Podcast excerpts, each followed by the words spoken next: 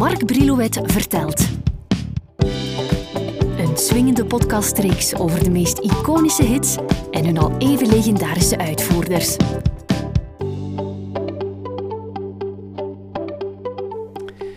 In onze podcastreeks loopt onder meer het verhaal van Johan Verminnen. Daarin had Johan het onder andere over zijn eerste plaat, met erop de klassieker Ieder met zijn vlag. Twee jaar later is er de titeloze langspeler, met erop als opener tussen Brussel en Oostende. Voor die plaat schreef Raymond van het Groenewoud een aantal liedjes.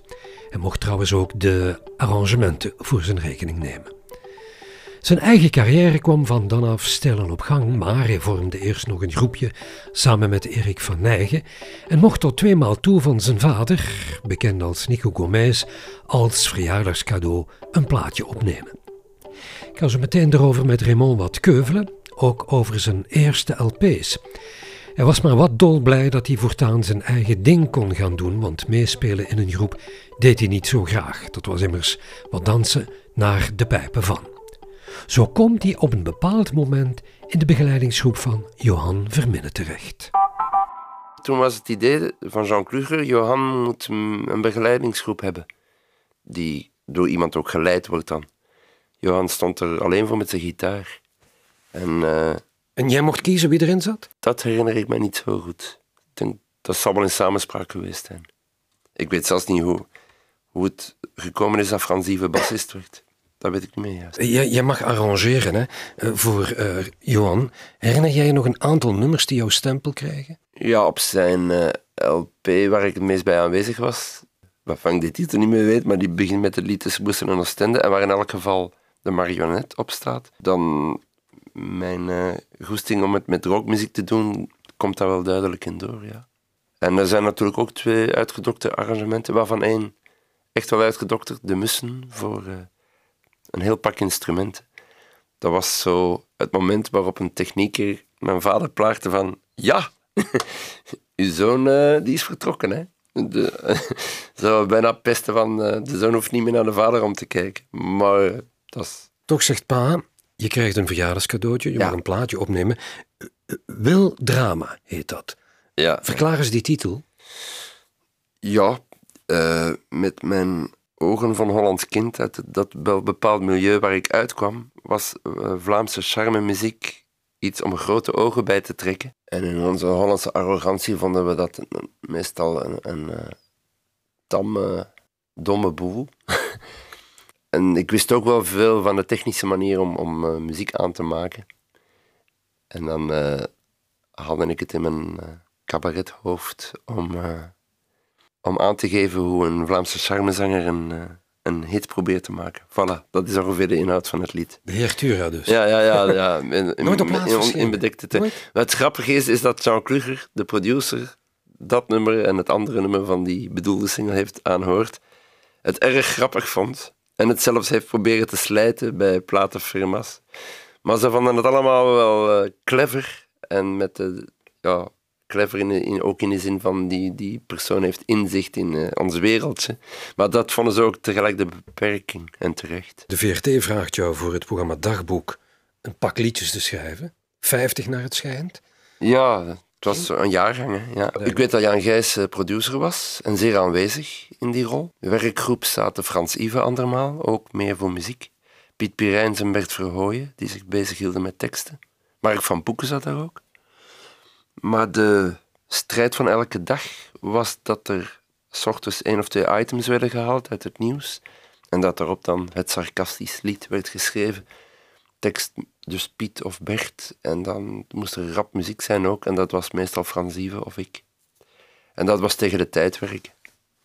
En dan was er een gastzanger, vaak Dirk Buijsen, die het dan keurig in moest zingen. Ook op. Het moest allemaal heel rap gaan. Dat is neem aan een goede leerschool. Ja, ja, ja. Maar het blijft speeld.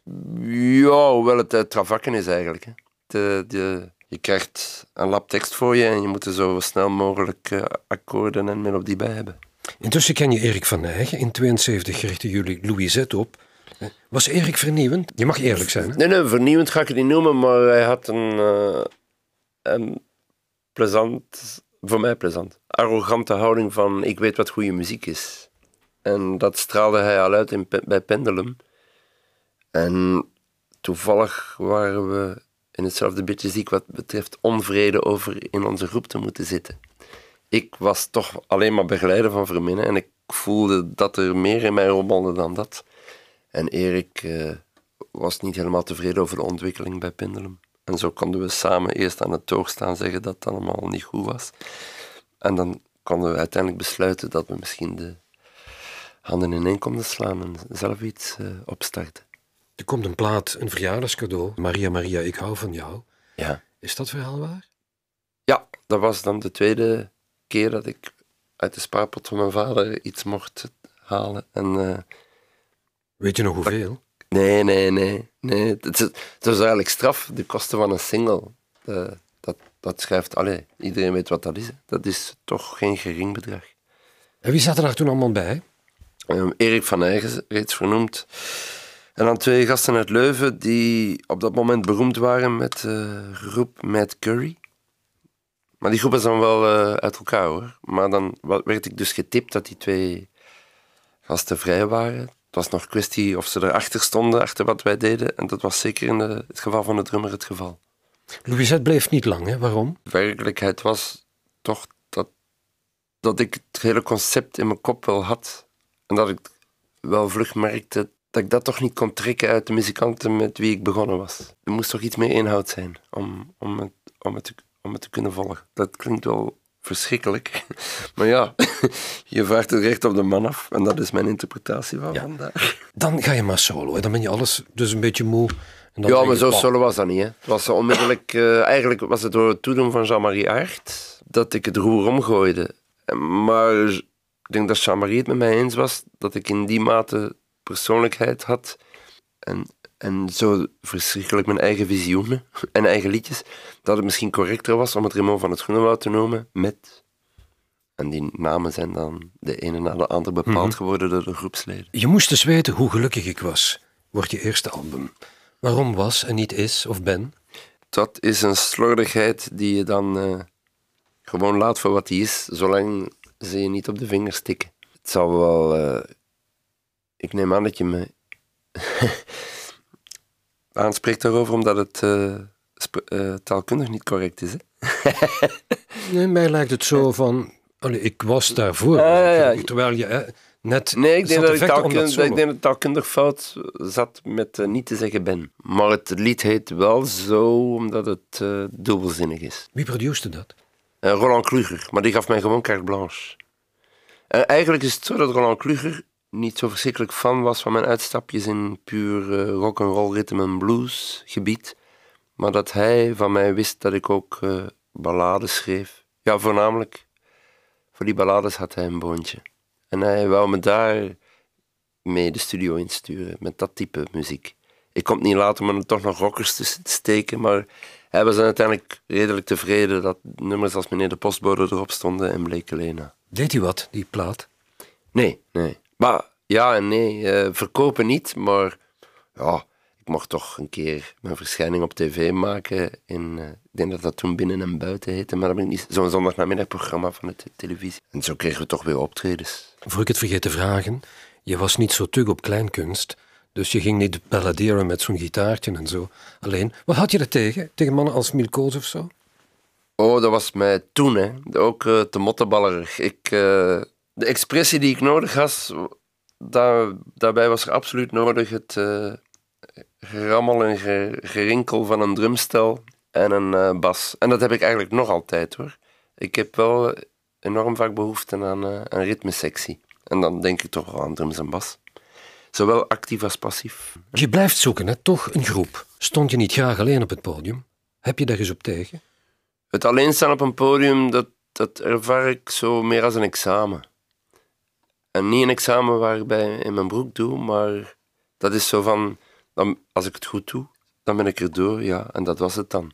Maar als ik met andere gasten, die toch min of meer gelijk gestemd zijn, anders kan je niet heel de tijd de baan op, muziek kan gaan spelen, wel, dan heb je dus dat prettige gevoel van uh, op schoolreis te gaan met je eigen klas of met de vriendjes van je klas. Dus Jean-Marie haakt snel af, Jean Blouten komt erbij. En dan de miljonairs, dat begint dan al het verhaal een serieuze wending te nemen. Met hen neem je in Nederland je tweede LP op. De Hans van Hemert was streng ten opzichte van mijn muzikanten. En behalve een verdwaalde noot van jean als die er al op staat, werd de groep eh, afgekeurd en moest ik het doen met Hollandse studiomuzikanten. Zeg, die Hans van Hemert was toch een jongen van hits, Marvin McNeil en zo. Ja, ja, ja. Dat moet toch een keurslijf zijn geweest? Um, muzikaal uh, uiteindelijk wel, maar ik had toen niks in de pap te brokken. Vond ik ook terecht, want allee, ik had geen troeven in mijn handen. Ik had nooit uh, iets bereikt, uh, commercieel gesproken. En ik mocht al blij zijn op dat dieptepunt in mijn bestaan dat er iemand in mij geloofde. En het enige wat ik moest aandragen waren mijn liedjes en mijn stem. Kijk je die plaat over het hoofd of denk je, oh... er zijn er veel nummers van die, die nog overeind blijven, dus in dat opzicht is het oké. En het was mijn wereld niet, maar ik was al lang blij dat het respect afdwong bij de toenmalige Vlaamse muziekjournalisten. Hm. Gewoon al het begrip dat het in Nederland was eh, opgenomen. Het was nu eenmaal zo toen. Dat juk is wel ongeveer afgeworpen.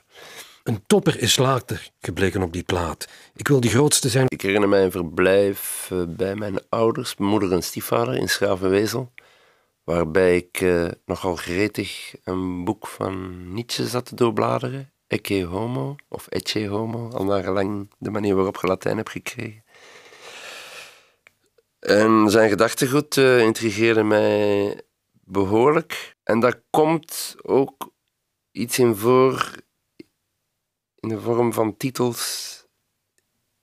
Iets in de genre, ik ben de beste, ik ben de grootste. Of waarom ik dat ben. Maar het, is, het komt voornamelijk neer op uh, ervoor gaan om, om, je, om je eigen hoogste graad te bereiken. Maar uh, dat is dan bij mij totaal vervormd geraakt in een, uh, wat mij betreft, half dwaas lied. Nee, half serieus, half, half dwaas lied. Om, om het dwaze om te maskeren dat het dat ik het wel serieuze materie vind. En dat is dan die ik wil de grootste zijn geworden.